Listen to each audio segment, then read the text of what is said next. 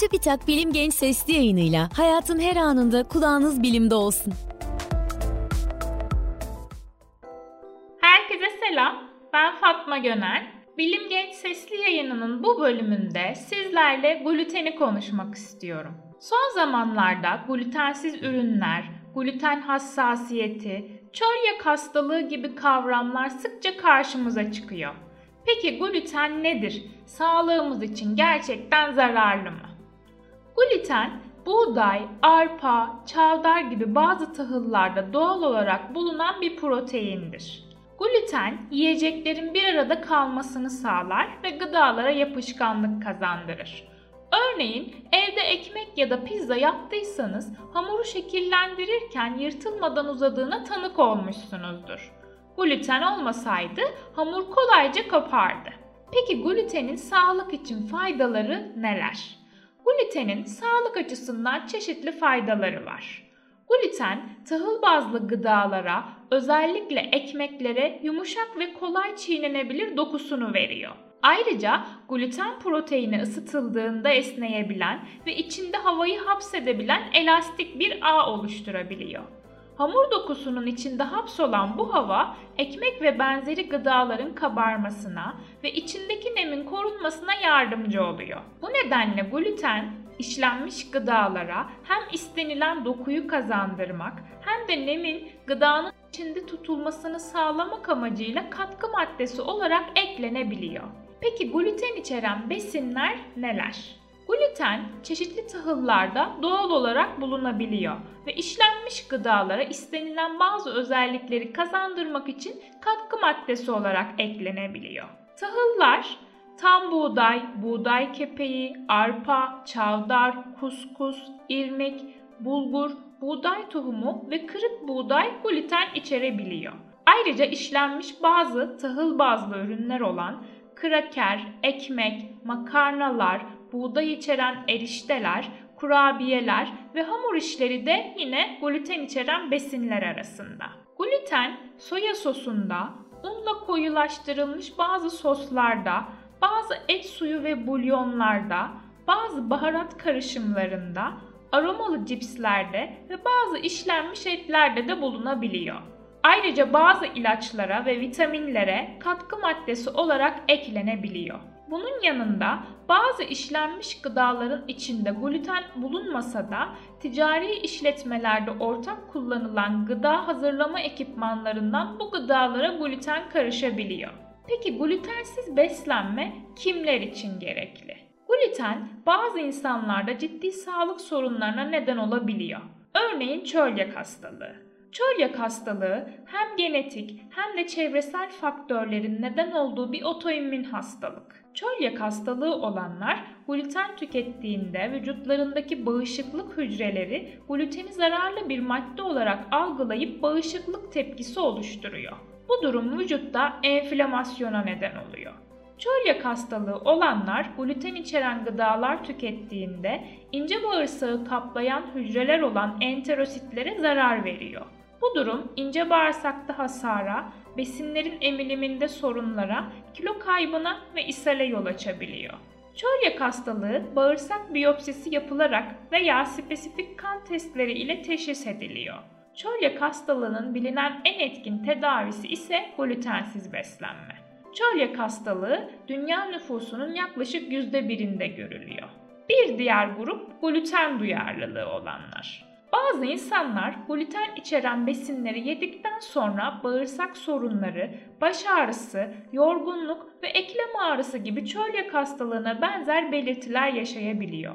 Ancak bu insanlarda çölyaktakine benzer şekilde ince bağırsakta hasar görülmüyor. Gluten duyarlılığının teşhisi için bir test yok ancak devam eden belirtilere rağmen çölyak hastalığı testinin negatif çıkmasıyla teşhis edilebiliyor. Gluten duyarlılığı olan kişiler glutensiz gıdalar tükettiğinde çoğunlukla belirtilerde iyileşme gözleniyor. Ve buğday alerjisi olanlar. Buğday alerjisi olanlarda buğday ve buğday ürünlerinde bulunan albümin, gluten, globulin gibi proteinlerden birine ya da birkaçına karşı anormal bir bağışıklık tepkisi görülüyor. Buğday alerjisinin belirtileri hafif mide bulantısıyla kalabileceği gibi solunum güçlüğüne neden olabilen ve alerjik bir reaksiyon olan anafilaksi gibi ciddi sonuçlar da ortaya çıkarabiliyor. Buğday alerjisi çocuklarda daha sık görülüyor ancak yetişkinleri de etkileyebiliyor. Buğday alerjisi çölyak hastalığından farklı. Ancak buğday alerjisi ve çölyak hastalığı birlikte de görülebiliyor. Buğday alerjisi genellikle alerji uzmanları tarafından yapılan kan veya deri testleri ile teşhis edilebiliyor. Glutensiz beslenme başka hangi hastalıkların tedavisinde fayda sağlayabilir? Araştırmalar glutensiz beslenmenin bazı başka hastalıklarla ilgili belirtileri azaltmada da etkili olduğunu gösteriyor. Peki bunlar neler? 1. Otoimmün rahatsızlıklar. Çölyak hastalığı olan kişilerde tip 1 diyabet, Hashimoto hastalığı ve Graves hastalığı gibi tiroid hastalıklarının yanı sıra romatoid artrit gibi başka otoimmün hastalıkların görülme olasılığı çölyak hastalığı olmayan kişilere göre daha yüksek. Örneğin çölyak ve tip 1 diyabet hastalıklarının birlikte görülme olasılığı %8 ila %10 arasında glutensiz bir beslenmenin otoimmün hastalıkları olan insanlara fayda sağlayabileceğini gösteren çalışmalar bulunuyor.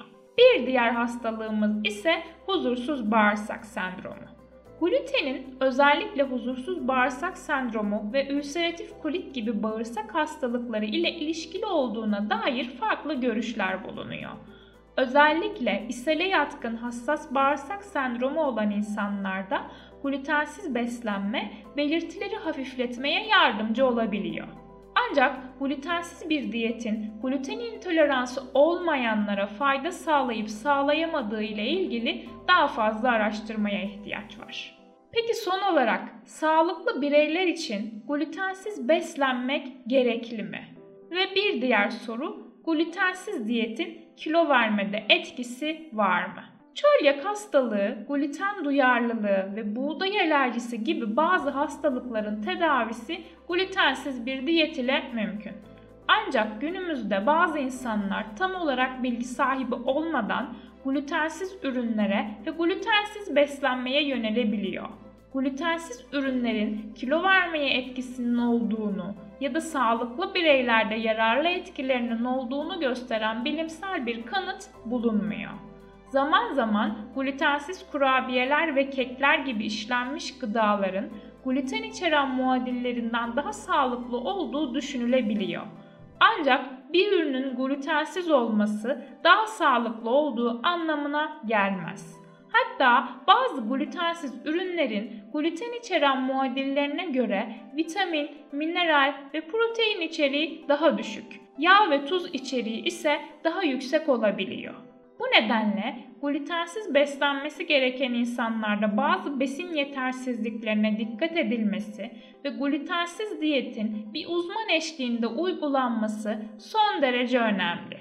Eğer siz de gluten ile ilgili bir rahatsızlığınız olduğundan şüpheleniyorsanız önce bir uzmana danışabilirsiniz. Bölümün hazırlanmasında kullanılan kaynaklara web sitemiz üzerinden ulaşabilirsiniz. Benim bu bölümde söyleyeceklerim bu kadar. Bir sonraki bölümde görüşmek üzere, hoşçakalın.